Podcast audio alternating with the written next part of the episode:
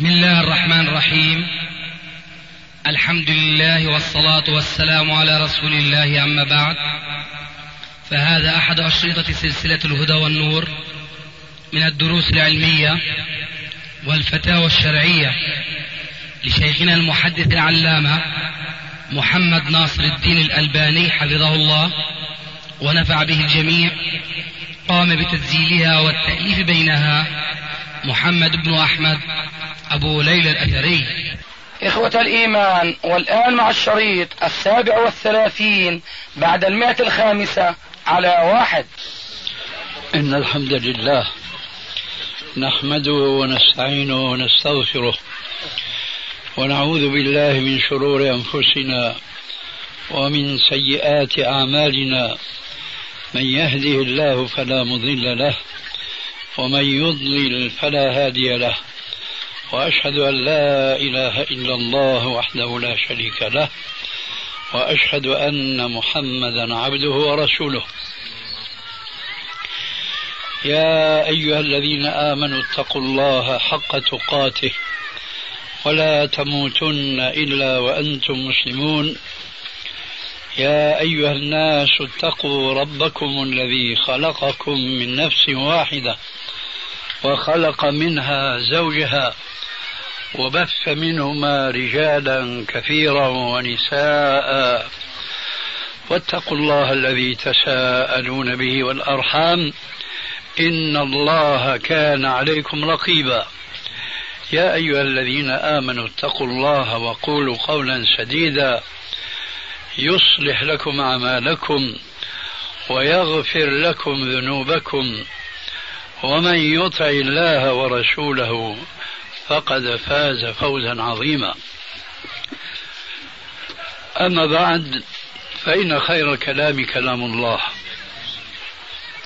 وخير الهدي هدي محمد صلى الله عليه وآله وسلم وشر الأمور محدثاتها وكل محدثة بدعة وكل بدعة ضلالة وكل ضلالة في النار.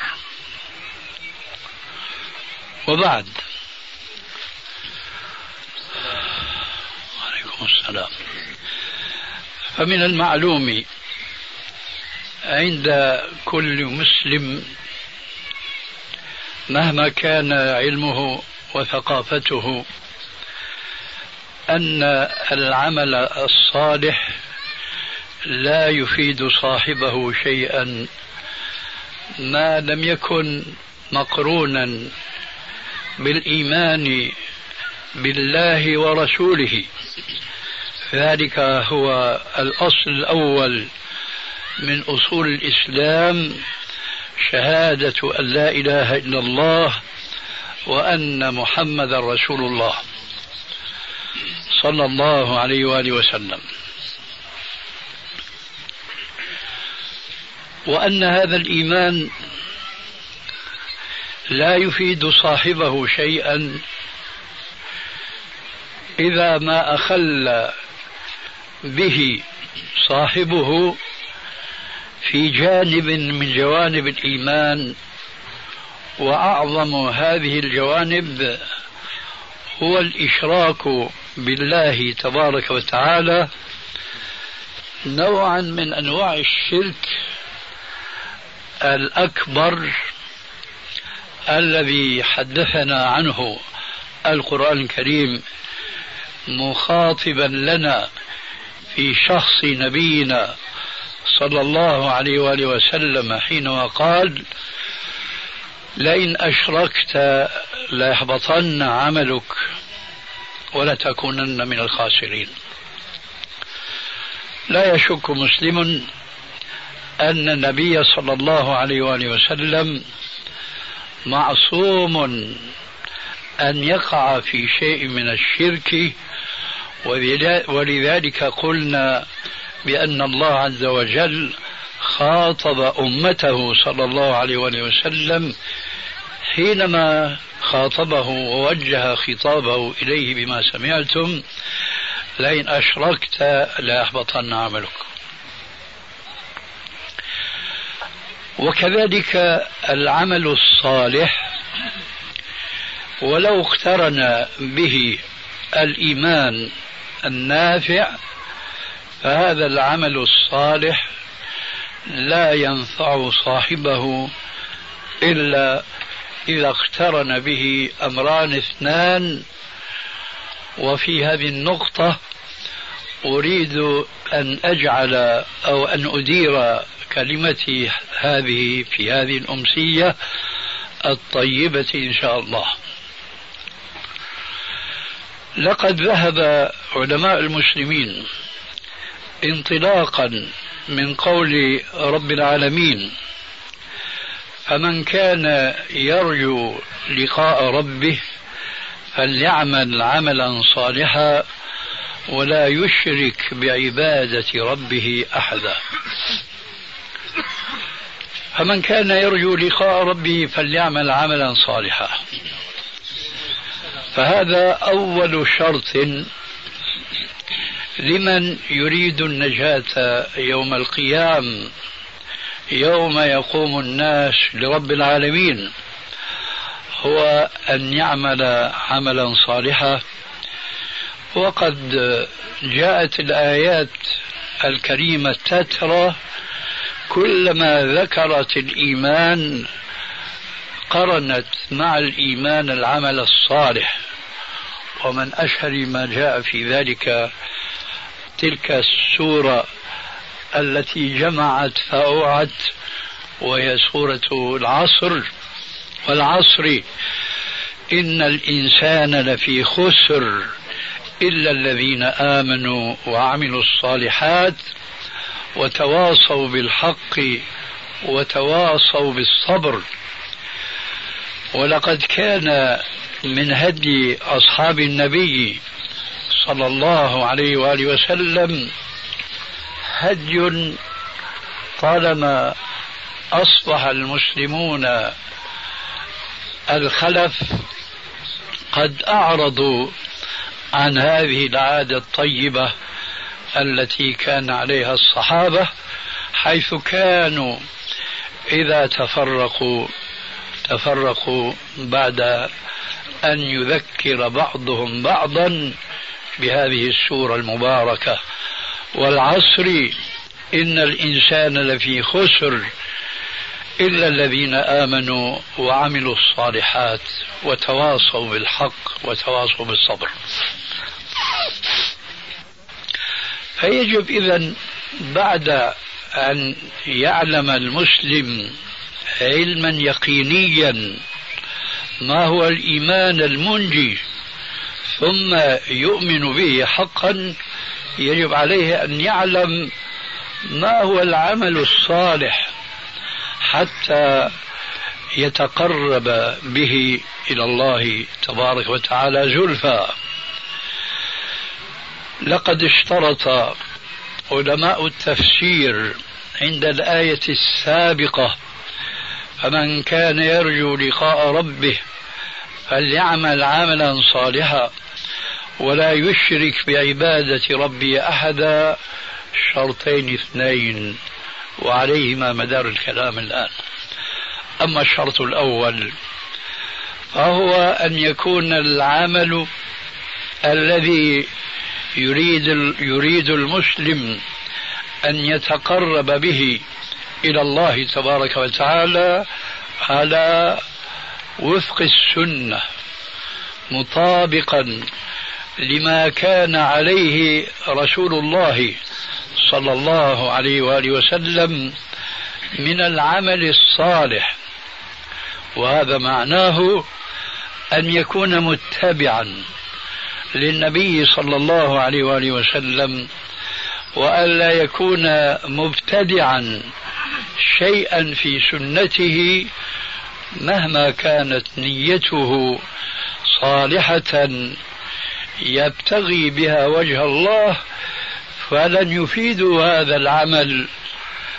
ولو كان مقترنا بالنية الصالحة ما دام أنه خالف في عمله سنة نبيه صلى الله عليه وآله وسلم.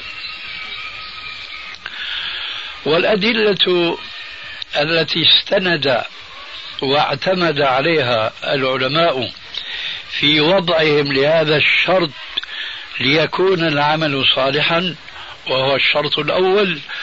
الأدلة الدالة على ذلك كثيرة وكثيرة جدا.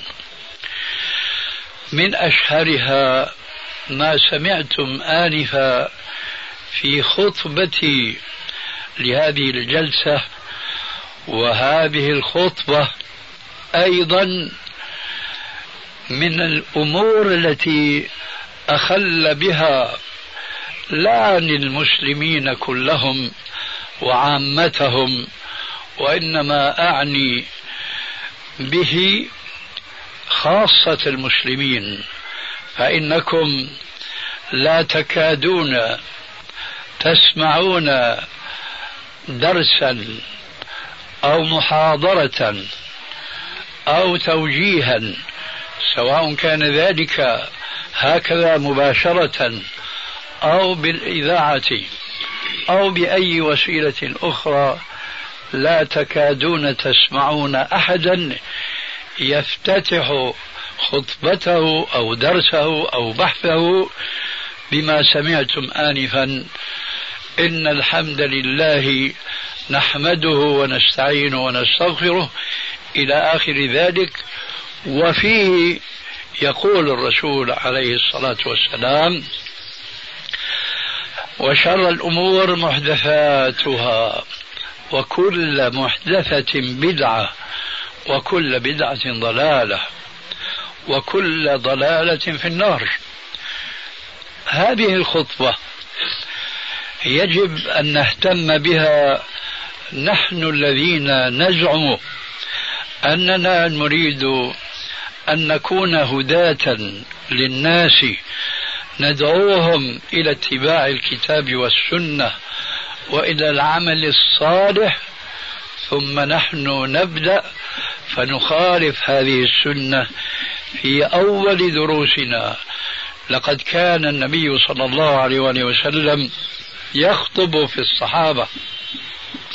هذه الخطبة وتسمى بخطبة الحاجة. وقد يستعملها بعضهم في مناسبة العقد للزواج. وهي محلها في كل خطبة وفي كل درس. يرجو المدرس أن يصل في درسه إلى حاجته التي يبتغيها ألا وهي أن ينتفع الحاضرون بما يسمعون منه. فالنبي صلى الله عليه وآله وسلم كان يفتتح خطبه كلها ودروسه كلها بهذه الخطبة التي تعرف عند العلماء بخطبة الحاجة وكان يكرر هذا الكلام في هذه الخطبة لترسخ في أذهان الصحابة وهم بالتالي ينقلون إلى من بعدهم. أما بعد فإن خير الهدى هدى محمد صلى الله عليه وآله وسلم. وفي رواية فإن خير الهدي هدي محمد صلى الله عليه وآله وسلم وشر الأمور محدثاتها وكل محدثة بدعة وكل بدعة ضلالة وكل ضلالة في النار. يقول العلماء المحققون إنما كان النبي صلى الله عليه وآله وسلم يكرر هذه الخطبة بكل مناسبة ترسيخا لهذه القاعدة العظيمة في أذهان السامعين. كل بدعة ضلالة وكل ضلالة في النار. من الأدلة الكثيرة التي تؤيد أن يكون العمل الصالح على ما كان عليه رسول الله صلى الله عليه وآله وسلم. الحديث المتفق عليه بين الشيخين بين البخاري ومسلم. أما الحديث الأول حديث خطبة الحاجة فهو في صحيح مسلم. أما حديثنا التالي فقد اتفق البخاري مع مسلم في روايتهما إياه من حديث السيدة عائشة رضي الله تعالى عنها قالت قال رسول الله صلى الله عليه وآله وسلم من أحدث في أمرنا هذا ما ليس منه فهو رد. في هذا الحديث بيان يحتاجه كثير من الناس الذين تلتبس عليهم البدعة الدينية بالبدعة الدنيوية. وهذه نقطة يجب أن نكون على بينة منها حتى لا يختلط لا يختلط علينا الحق بالباطل. ذلك أن الإسلام إنما جاء ليكمل العبادات. ليهيئ المسلمين ليكونوا سعداء في الدنيا والأخرى وذلك بأن يشرع لهم هذه الأعمال الصالحة التي تقربهم إلى الله زلفى ولم يأتي لإصلاح الأمور الدنيوية التي هم يصلون إليها باجتهادهم وبابتكاراتهم واختراعاتهم. كما ترون الآن الكفار قد سبقوا المسلمين اشواطا كثيرة في الاختراعات والابتكارات المتعلقة بتسهيل أمور الدنيا.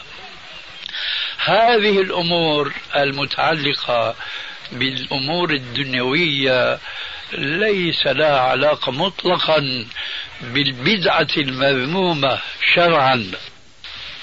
هذا الحديث الثاني يوضح لنا الحديث الأول حينما قال عليه الصلاة والسلام من أحدث في أمرنا هذا أي من أحدث في ديننا هذا ما ليس منه فهو رد على صاحبه ولذلك فلا ينبغي أن يشكل على أحد من الناس كما سمعنا ذلك كثيرا وكثيرا جدا حينما نحض المسلمين جميعا إلى أن يعودوا في عباداتهم إلى سنة نبيهم صلى الله عليه وآله وسلم ونحذرهم اتباعا منا له عليه الصلاة والسلام من كل محدثة في الدين كما سمعتم وإياكم ومحدثات الأمور. فإن كل محدثة بدعة وكل بدعة ضلالة وكل ضلالة في النار. هذا الحديث الثاني اذا يوضح أن البدعة الضلالة ما كان لها علاقة بالعبادة وبالدين. من أحدث في أمرنا هذا أي في ديننا هذا ما ليس منه فهو رد. ولأمر ما نحن ننتمي إلى السلف الصالح. ذلك لعلي في الجلسة السابقة تعرضت لهذا الجانب أن السلف الصالح هم الذين تلقوا القرآن وحديث الرسول عليه السلام من فمه غضا طريا ثم تلقوه من الرسول عليه الصلاة والسلام مطبقا عمليا فهم الذين فهموه فهما صحيحا. بالتالي وجب علينا أن نفهم أمر ديننا من كتاب ربنا ومن سنة نبينا وتطبيق علماء السلف لهذه السنة. هنا نحن نقول في قوله عليه السلام كل بدعة ضلالة. جاء عن عبد الله بن عمر بن الخطاب رضي الله تعالى عنهما قوله الذي يعتبر مفسرا لهذا العموم كل بدعة ضلالة. قال ابن عمر مفسرا وموضحا ومبينا وإن رآها الناس حسنا. كل بدعة ضلالة وإن رآها الناس حسنة وهذا يلفت نظرنا إلى مسألة طالما سمعناها انحرف القائلون بها عن سنة نبينا صلى الله عليه وآله وسلم ولعلي أتعرض إلى هذا فيما بعد وقريبا إن شاء الله. فإني أريد أن أذكركم بتتمة لبعض هذه النصوص التي تؤكد لكم هذه القاعدة العظيمة جدا جدا. كل بدعة ضلالة. وكل ضلالة في النار. وبخاصة بعد تفسير ابن عمر لها بقوله وإن رآها الناس حسنة أظن أن الكثيرين منكم قرأ أو سمع حديث العرباض ابن سارية رضي الله تعالى عنه. قال وعظنا رسول الله صلى الله عليه وآله وسلم موعظة وجلت منها القلوب وذرفت منها العيون فقلنا يا رسول الله أوصنا. قال أوصيكم بتقوى الله والسمع والطاعة وإن ولي عليكم عبد حبشي وإنه من يعش منكم فسيرى اختلافا كثيرا. فعليكم بسنتي وسنة الخلفاء الراشدين المهديين من بعدي. عضوا عليها بالنواجذ وإياكم ومحدثات الأمور. فإن كل محدثة بدعة وكل بدعة ضلالة. هنا لا توجد زيادة وكل ضلالة في النار وإنما هي في الحديث الأول حديث خطبة الحاجة. الشاهد من هذا الحديث أنه يفيدنا فائدة جديدة لم تذكر في الأحاديث السابقة وهكذا يجب على كل باحث فقيه يريد أن يتفقه في السنة أن يلم وأن يجمع كل الأحاديث الواردة في الموضوع الواحد حتى يخرج من هذا الجمع بقضية كاملة لا نقص فيها. هنا يقول الرسول عليه السلام مخبرا لنا بقوله وإنه من يعش منكم فسيرى اختلافا كثيرا. كأن سائلا سأل والواقع أنه ما أس ما سأل لأن الله عز وجل يلهم نبيه صلى الله عليه وآله وسلم أن يجيب قبل أن يسأل. كأن سائلا سأل يا رسول الله إذا نحن رأينا هذا الخلاف الذي أنت تخبرنا به بقولك وإنه من يعش منكم فسيرى اختلافا كثيرا. فماذا نفعل يا رسول الله؟ إذا رأينا هذا الاختلاف الكثير فماذا نفعل؟ فأجابهم عليه الصلاة والسلام دون أن يسألوه كما ذكرنا فعليكم بسنتي وسنة الخلفاء الراشدين المهديين من بعدي إلى آخر الحديث. إذا المخلص من أي فرقة ومن أي خلاف يقع بين المسلمين هو اللجوء إلى سبيل المؤمنين الأولين حيث قال عليه السلام بلسان عربي مبين فإذا رأيتم الخلاف فعليكم بسنتي وسنة الخلفاء الراشدين المهديين من بعدي فهل المسلمون اليوم إذا ما وقعوا في مسألة خلافية رجعوا فيها إلى الائتمار بأمره عليه السلام هذا وغيره مما جاء في القرآن وفي السنة. فإذا رأيتم خلافا فعليكم بسنتي وسنة الخلفاء الراشدين المهديين من بعده الجواب مع الأسف قل من يفعل ذلك. من المسلمين وهم الذين يحرصون أشد الحرص على أمرين اثنين لا انفصام ولا انفصال بينهما ألا وهو معرفة السنة التي كان عليها الرسول صلى الله عليه وسلم أولا ثم الحرص كل الحرص على تطبيقها ثانيا في أنفسهم ثم في من يلوذ بهم ثم في من يعيشون حوله وهكذا.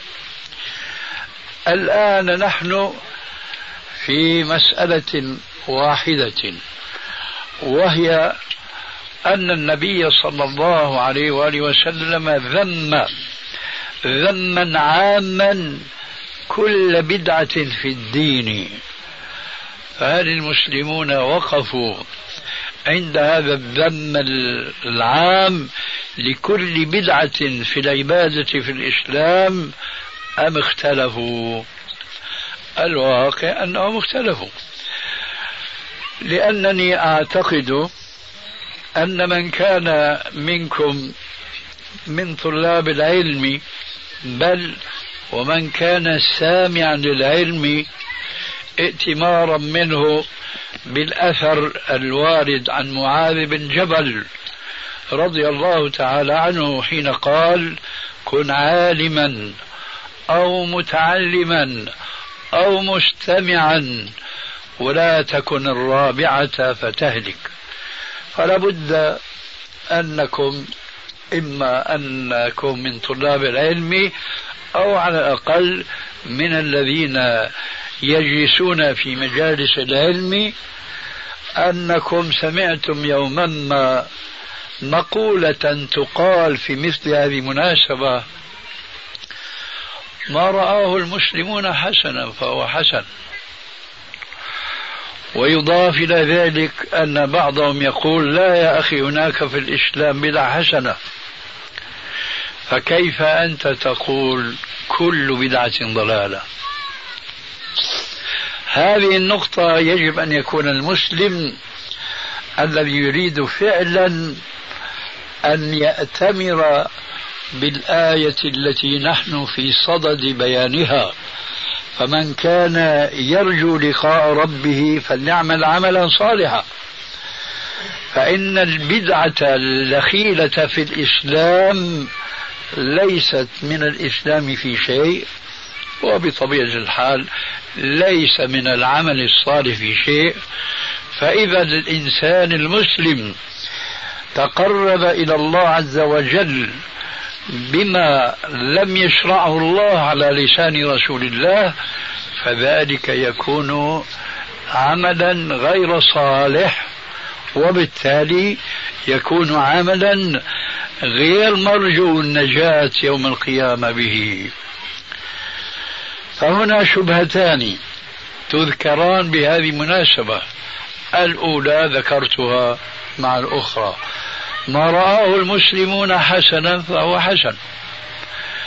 فما يكاد العالم البصير في دينه ينكر أمرا يعلم أن هذا الأمر ليس من الإسلام في شيء إلا جوبه بقوله يا أخي المسلمون هكذا يفعلون.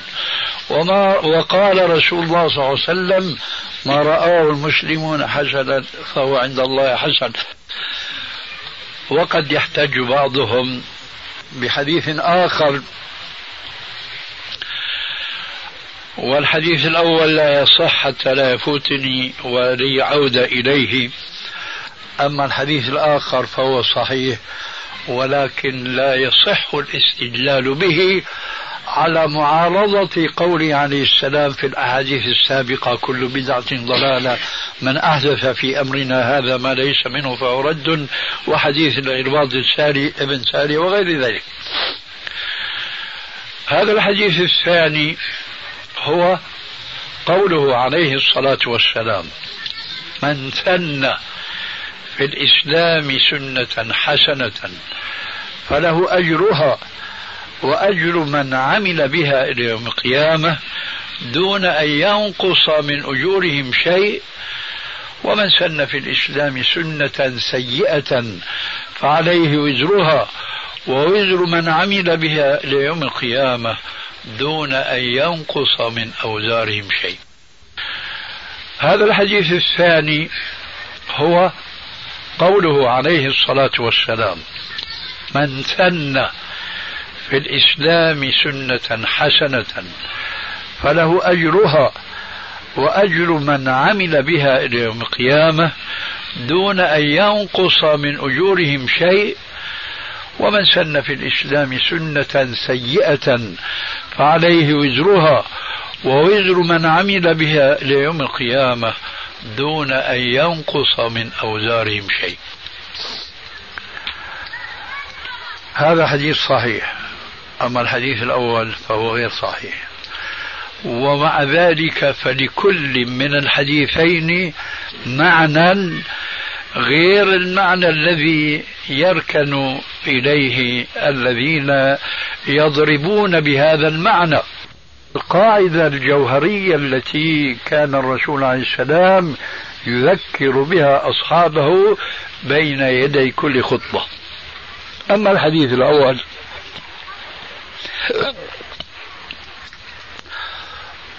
ما, ما رأوه المسلمون حسنا فهو عند الله حسن. أه نبحث الآن في الحديث من الناحية الحديثية ثم نثني عليه للكلام في الناحية الفقهية منه. أما الناحية الحديثية فالحديث أخرجه الإمام أحمد في مسنده من طريق أبي داود الطيالسي وهذا أيضا في مسنده. كلاهما بإسناد حسن عن عبد الله بن مسعود رضي الله تعالى عنه قال هو ولم يقل قال رسول الله صلى الله عليه وسلم. في هذا الحديث الذي سمعتم مصدره من مسندي أبي داود الطيالسي وأحمد بن حنبل الشيباني. إن الله تبارك وتعالى بعث محمدا رسولا. وجعل له وزراء وأنصارا. فما رآه المسلمون حسنا فهو عند الله حسن. أظن من كان منكم يعلم شيئا من اللغة العربية وآدابها سيفهم ما أقوله بسرعة واضحة. أل فما رآه المسلمون. أل هنا في اصطلاح العلماء.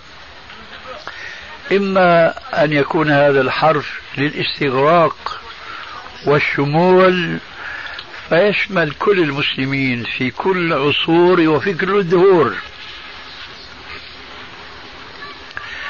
وإما أن يكون هذا الحرف هنا ال التعريف ما يسمى عندهم بأل العهد. وهذا يفيد التخصيص ولا يفيد العموم والشمول. وهذا المعنى الثاني هو المقصود في هذا الحديث الموقوف على ابن مسعود. لماذا؟ لأن السباق الذي بعده جاء هذا السياق هو يتحدث عن أصحاب الرسول عليه السلام لأنه بعد أن ذكر أن الله عز وجل بعث محمدا رسولا قال جعل له وزراء وأنصارا. إذا هؤلاء الوزراء والأنصار هم المقصودون في قوله فما رأوا المسلمون حسنا فهو عند الله حسن. وبخاصة أنه ذكر هذا الحديث الموقوف عليه بمناسبة اختيار أصحاب النبي صلى الله عليه وآله وسلم أبا بكر الصديق خليفة بعد رسول الله صلى الله عليه وسلم. قال فما رأوا المسلمون حسنا. فهو عند الله حسن. أي ما دام أن المسلمين اختاروا أبا بكر خليفة بعد رسول الله صلى الله عليه وسلم ورأوا أمرا حسنا بل واجبا فهو عند الله حسن. وحينئذ يكون الحديث هذا الموقوف ليس له علاقة مطلقا بموضوع ما رآه جماعة من المسلمين في عصر من العصور حسنا. كلا ثم كلا. ليس لهذا الحديث على أنه موقوف. أكرر على مسامعكم أن هذا الحديث لا يجوز المسلم أن يقول قال رسول الله صلى الله عليه وسلم ما رآه المسلمون إلى آخره وإنما يقول قال صحابي رسول الله صلى الله عليه وسلم عبد الله بن مسعود ما رآه المسلمون حسنا فهو عند الله حسن ويفسره على هذا النحو الذي ذكرت لكم هذا النحو الذي دلت عليه المناسبة التي فيها ذكر هذا الحديث الموقوف أولا ثم المسلمون أهل العهد أي الذين ذكروا قبل قوله فما رأوا المسلمون حسنا فعند الله حسن حينئذ يكون هذا الحديث يلتقي تماما مع آية في القرآن الكريم. ألا وهي قول رب العالمين ومن يشاقق الرسول من بعد ما تبين له الهدى ويتبع غير سبيل المؤمنين نوله ما تولى ونصله جهنم وساءت مصيرا أي ما رأوا المسلمون حسنا فهو عند الله حسن. أي هؤلاء المسلمون الذين ذكروا في هذه الآية أن أحدا إذا خالف سبيل المسلمين كما لو خالف سيد المرسلين. وأظن أيضا تعرضت لهذه الآية في الجلسة السابقة ومن يشاقق الرسول من بعد ما تبين له الهدى ويتبع غير سبيل المؤمنين أي يخالف السبيل التي كان عليها السلف الأول السلف الصالح. فهل كان السلف الصالح يرون أن في الإسلام عبادة لم يشرعها الرسول عليه الصلاة والسلام ولا فعلها الصحابة الكرام ومع ذلك يجوز للمسلم أن يتقرب بها إلى الله تبارك وتعالى. الجواب لا وبخاصة وقد ذكرنا لكم قول ابن عمر في توضيح قول الرسول عليه السلام كل بدعة ضلالة قال ابن عمر وإن رآها الناس حسنة أما الأقوال الأخرى التي أثرت ورويت عن أصحاب النبي صلى الله عليه وآله وسلم تأكيدا منهم بأقوالهم وبأفعالهم لهذه القاعدة العامة كل بدعة ضلالة فهي أشياء كثيرة وكثيرة جدا لا يمكن إحصاؤها في هذه الجلسة. ولكن لا بأس من التذكير ببعضها.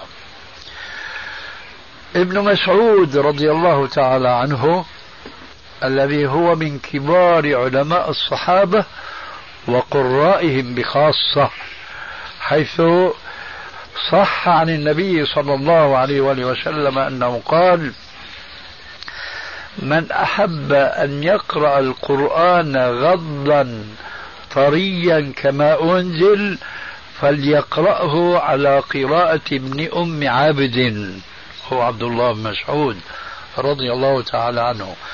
هذا الصحابي الجليل الذي من فضله أن فقه الإمام أبي حنيفة أول الأئمة الأربعة رحمه الله تبارك وتعالى فقه هذا الإمام أكثره قائم على آه، أحاديث وفتاوى ابن مسعود.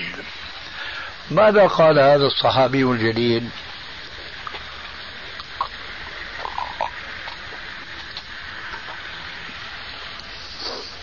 قال اتبعوا اتبعوا ولا تبتدعوا.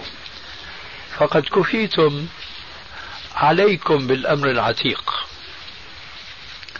هذا الحقيقة نصيحة عالم. ما أحوجنا نحن أن ننصح أنفسنا بها. اتبعوا أي النبي صلى الله عليه وسلم وأصحابه لأنهم هم الذين يمثلون سبيل المؤمنين. أول من يمثل هذه السبيل هم أصحاب الرسول عليه السلام وعلى رأسهم رسول الله صلى الله عليه وآله وسلم. قال ابن مسعود اتبعوا ولا تبتدعوا. لماذا؟ فقد كفيتم. عليكم بالأمر العتيق. قد كفيتم. يشير بهذا إلى نصوص في الكتاب والسنة. منها الآية المشهورة. ألا وهي قوله تبارك وتعالى اليوم أكملت لكم دينكم وأتممت عليكم نعمتي ورضيت لكم الإسلام دينا. اليوم أكملت لكم دينكم. إذا فقد كفيتم. لقد جاء الله عز وجل بهذا القرآن وببيان الرسول عليه الصلاة والسلام كل بكل ما يحتاجه المسلمون من العبادات. ولذلك لا قياس في العبادة.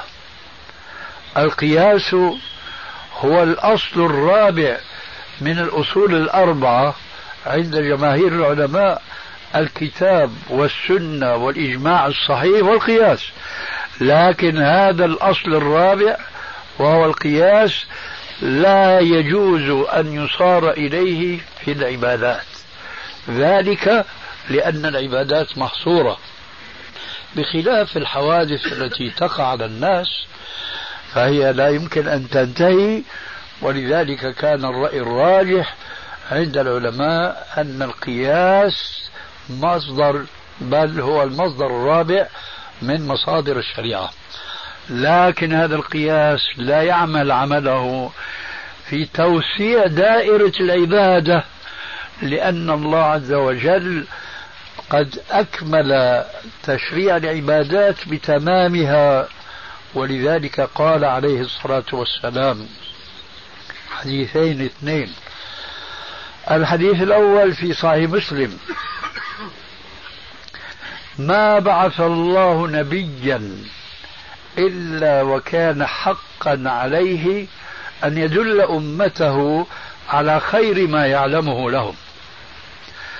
ما بعث الله نبيا إلا كان حقا أي واجبا لازما عليه أن يدل أمته على خير ما يعلمه لهم.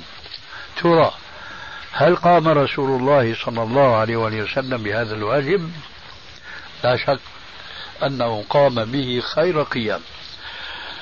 وقد قال ربنا عز وجل له في القرآن يا أيها الرسول بلغ ما أنزل إليك من ربك وإن لم تفعل فما بلغت رسالته والله يعصمك من الناس. الحديث الثاني وهو آه، أمس بموضوعنا من الحديث الأول ألا وهو قوله عليه الصلاة والسلام ما تركت شيئا يقربكم إلى الله إلا وأمرتكم به. وما تركت شيئا يبعدكم عن الله ويقربكم إلى النار إلا ونهيتكم عنه. رواه الإمام الشافعي في مسنده أو في سننه. إذا صدق الله حينما قال اليوم أكملت لكم دينكم. الدين هو ما يتدين به الإنسان. ويتقرب به إلى رب الأنام. فإذا صدق ابن مسعود حينما قال في الأثر السابق فقد كفيتم. أي لماذا تتعبون أنفسكم بابتداعكم العبادات في الدين وقد كفاكم رب العالمين بأن أرسل إليكم رسولا مبينا موضحا كل ما أنتم بحاجة إليه من عبادات تفصيليا. لا حاجة للقياس فيها إطلاقا وبخاصة إذا ما كان هذا القياس مخالفا للنصوص الصريحة المتقدمة آنفا والآثار الثابتة عن السلف الصالح ثانيا. ومنها قول ابن مسعود رضي الله عنه اتبعوا ولا تبتدعوا فقد كفيتم عليكم بالأمر العتيق. هذا قوله. ويحسن أن نقدم إليكم مثلا يمس حياة كثير من المتعبدين اليوم بحسن نية ولكن بسوء عمل. بحسن نية ولكن بسوء عمل. سوء العمل هو الابتداع في الدين. اسمعوا القصة التالية.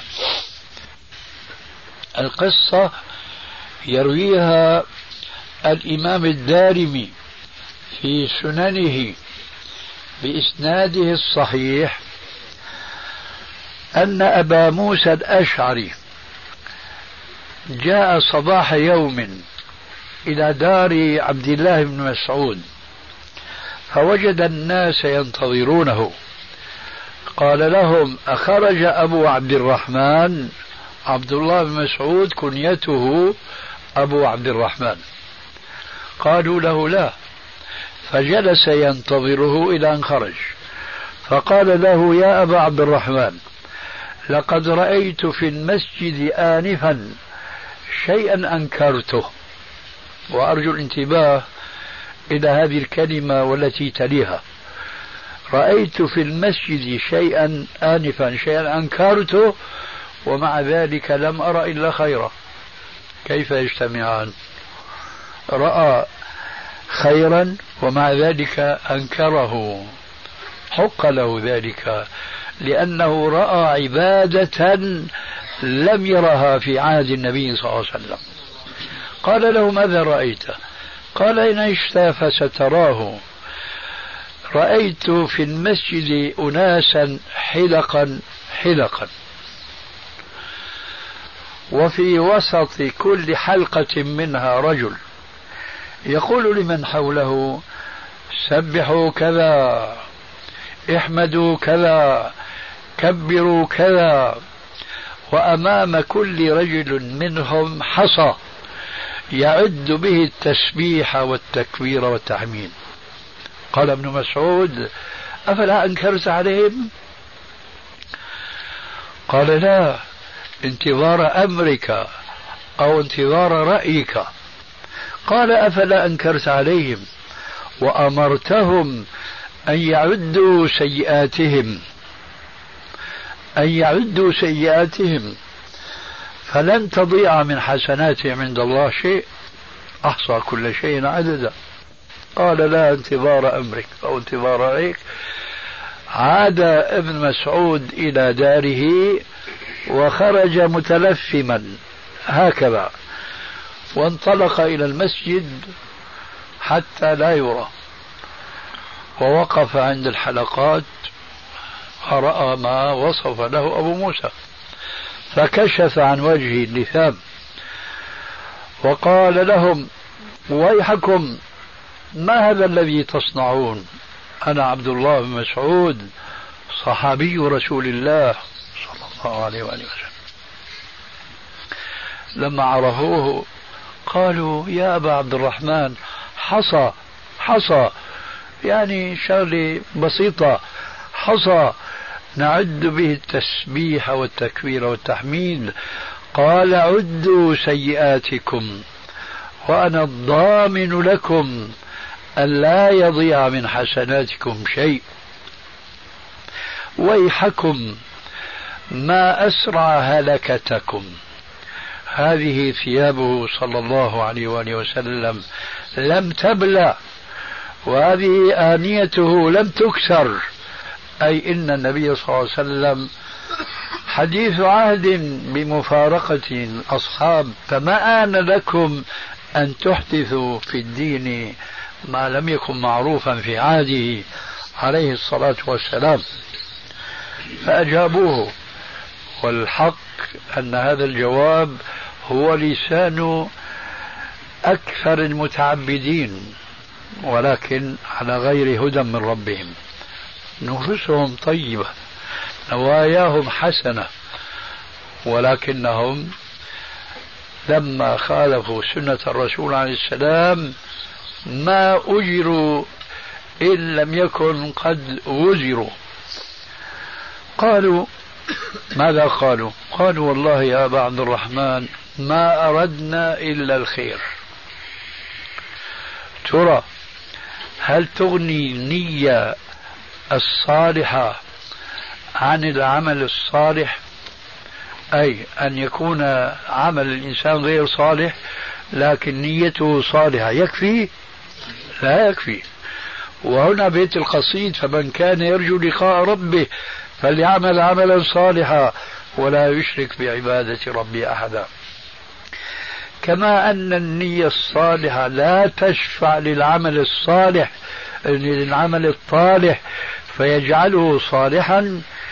كذلك إذا كان العمل صالحا موافقا للسنة ولكن النية غير صالحة لا يفيده هذا العمل الصالح شيئا إطلاقا. فلا بد من اجتماع الشرطين المذكورين. لما قال أولئك الناس لابن مسعود وهم صادقون فيما يقولون.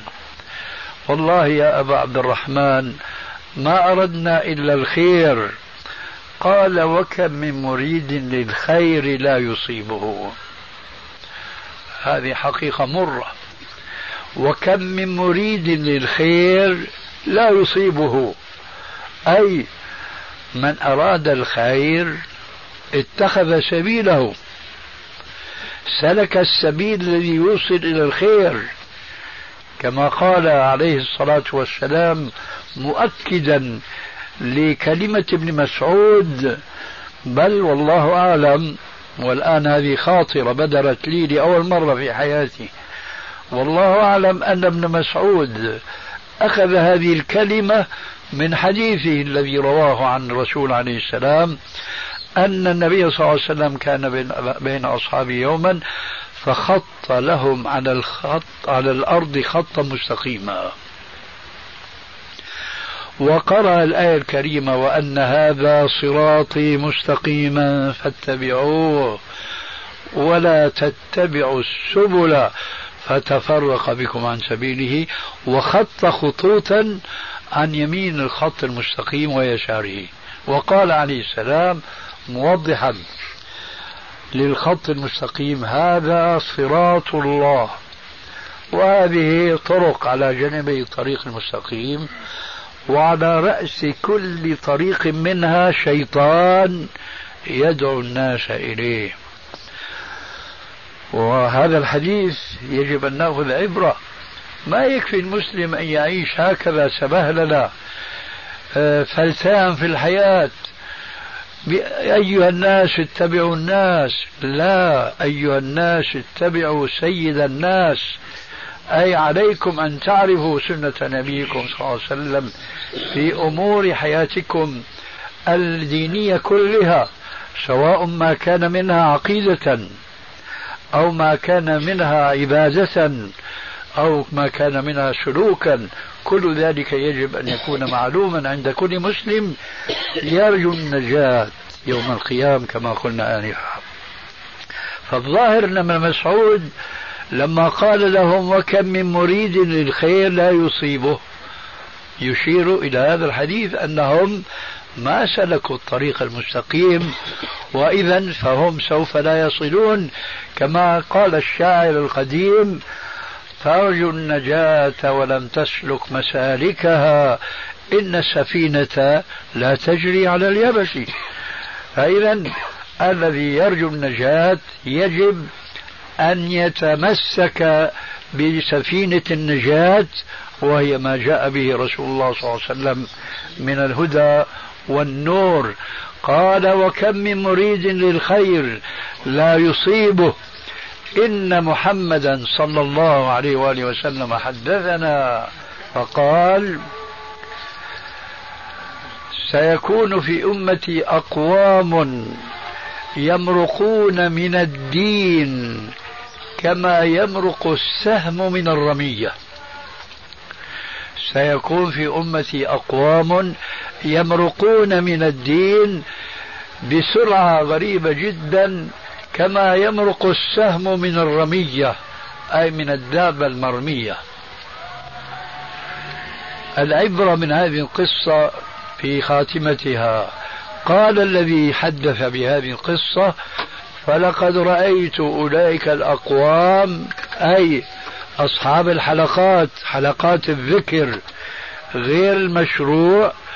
قال فلقد رأينا أولئك الأقوام يقاتلوننا يوم النهروان. وما معنى هذا الكلام؟ أصحاب الذكر غير المشروع هذه البدعة الصغيرة أودت بهم إلى البدعة الكبيرة وهي الخروج على علي بن أبي طالب الخليفة الراشد ومقاتلتهم له فما كان منه ولم يسعه إلا أن يقاتلهم حتى استأصل شأفتهم ولم ينجو منهم إلا رجلين أو ثلاثة. لذلك اقتبسنا من هذه القصة شبيه ما يذكره بعض الفقهاء أن الذنوب الصغائر بريد الكبائر. الذنوب الصغائر إذا ما استمر عليها المسلم وأصر عليها فستكون عاقبة أمرها أن توصله إلى الذنوب الكبائر. كذلك البدع الصغائر التي يستسهلها بعض الناس وبيقولوا لك يا أخي شوفي هاي لا يفكر تماما كما قال بعض الفقهاء أيضا لا تستصغر المعصية فإنها عظيمة حينما تتذكر عظمة الله تبارك وتعالى وأنه قد نهاك عنها فيجب أن تنتهي منها. كذلك أيها المبتلى ببعض البدع تتقرب بها إلى الله تبارك وتعالى لا تقل شو فيها. فيها أن الإسلام قد كمل.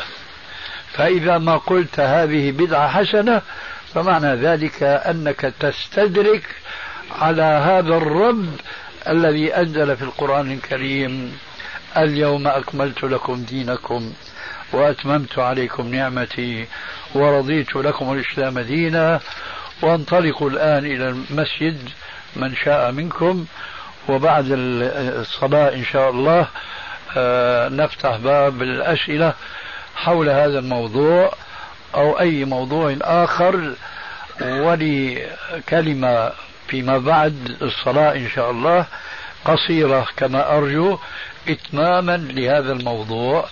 فانصرفوا راشدين. بقي في نفسي كلمات أرجو أن تكون قليلات حتى نفسح المجال لتلقي بعض الأسئلة حول الموضوع السابق إن كان هناك سائل أو حول غيره. ذكرت لكم آنفا أكثر من مرة في تضاعيف كلمتي. الآية الكريمة اليوم أكملت لكم دينكم إلى آخرها. فالذي أريد أن أثني على ما مضى من البيان والكلام تنبيه الحاضرين إلى أن لا ينظروا إلى هذه المسألة بنظرة اللامبالاة وقلة الاهتمام والتي قد يعبر عن ذلك بعض الناس بقولهم هذه يا أخي مسائل فرعية. بل قد يقول بعضهم هذه من القشور وليست من اللباب. فلا تشغلونا بالقشور عن اللباب.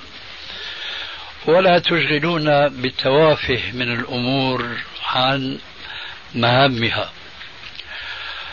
فأقول تحذيرا ونصحا والدين نصيحة كما تعلمون. إخوة الإيمان تتمة الكلام في الشريط التالي. والدين نصيحة كما تعلمون. لا يجوز أن يصدر شيء من هذا الكلام من مسلم بعد أن نبه على خطورة هذه القاعدة وهي قوله عليه السلام كل بدعة ضلالة وكل ضلالة في النار. مع ذاك البيان